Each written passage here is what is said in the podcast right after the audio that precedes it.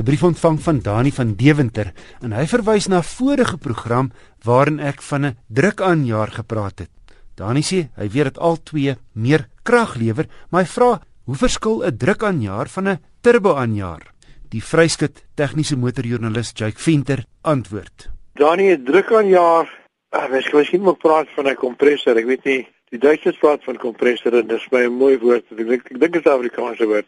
Is meganies aangedrewe deur die enjin hoofsaaklik deur middel van 'n ketting in meeste gevalle want hy moet positief aangedryf word. Is dit 'n eenvoudige lugpomp wat teen 'n bepaalde snelheid loop wat afhang van die enjin se snelheid en hy lewer druk vanaf so laag as 1000 kpm. Hy word byvoorbeeld gebruik deur 'n hele paar Mercedes modelle sowel as Jaguar en Land Rover. Die turbo aanjaer is ook 'n lugpomp, maar hy word aangedryf deur die uitlaatgasse in die uitlaatverdeler In ander woorde, hy gebruik energie wat andersins verlore sou gaan. En dit beteken dat teoreties sal so 'n motor minder brandstof gebruik as een met 'n kompressor, maar dit is nie altyd in die praktyk waar nie. Die nadeel van die turbo is dat hy lewer nie druk in die laadspoed nie. Waar jy sê hy moet meeste van die van die petrol engines se turbos roteer teen minstens 200 000 OPM. Ongelooflik hoog net om genoeg druk te kan lewer. Interessante rede waarom hulle so vinnig tol, dit is daar met baie klein gemaak word. Hy so klein dat hy pas in die palm van jou hand sodat jy nie 'n uh, vertraging kry wanneer hy moet versnel nie. Want jy kry so geraamde ehm um, turbo traagheid. Turbo traagheid, ja. As die turbo groot fisies groot is, hulle maak hom baie klein, maar dan moet hy baie vinnig roteer. So om op te som, 'n uh, kompressor is positief aangedryf. Hy lewer druk teen 'n lae snelheid. Die turbo is net wel anders terom. Hy word aangedryf deur die gasse en word druk teen 'n hoë snelheid. En daar is sekere Volkswagen modelle en miskien 'n paar ander ook wat altyd het. Dan word hulle gebruik die kompressor vir lae snelhede en die turbo vir hoë snelhede en die twee werk dan baie min met hulle saamwerk eintlik. So aan vir die tegniese kenner Jake Venter.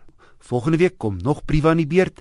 Intussen is jy ook welkom om met enige motornavrae of motorprobleme te e-pos na wissel by rsg.co.za.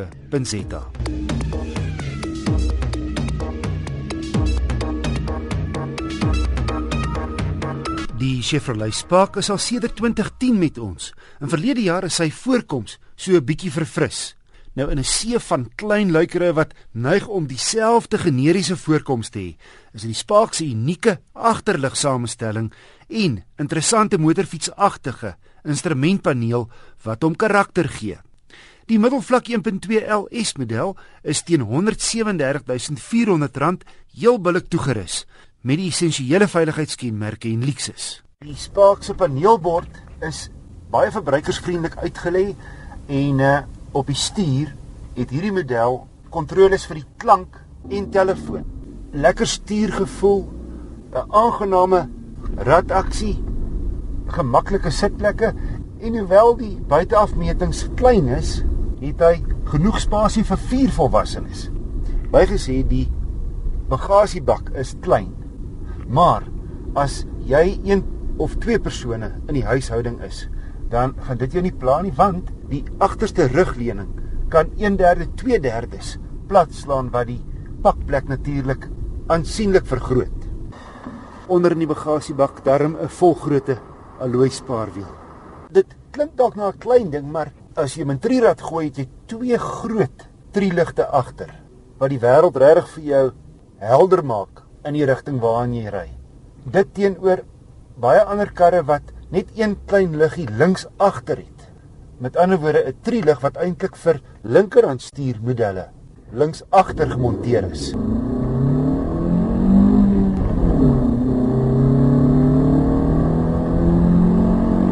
beste te maak van die 1.2 se beskeie 60 kW en 108 Nm wrinkrag is hy redelik kort gerad.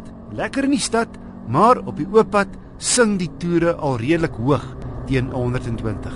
'n Aangeduide 120 is 'n goeie 3850. En die masjien raak lawaaiig wanneer jy hom druk in die ratte of afrat om jou spoed te handhaaf.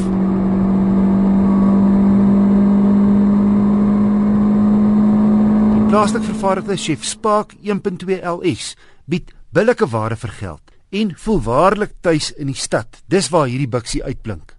Maar daar's 'n paar intree vlak luikere in die SIP 140 000 rand klas en veral die Renault Sandero Expression wat rustiger op die oop pad loop.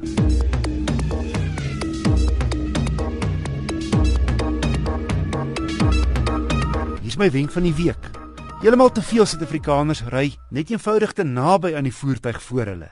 Handhaaf 'n goeie volgafstand en jou kanse om in 'n botsing te wees is aansienlik kleiner. Al beteken dit dat 'n padvark soms voor jou gaan indruk omdat hy dink daar 'n lekker gaping is.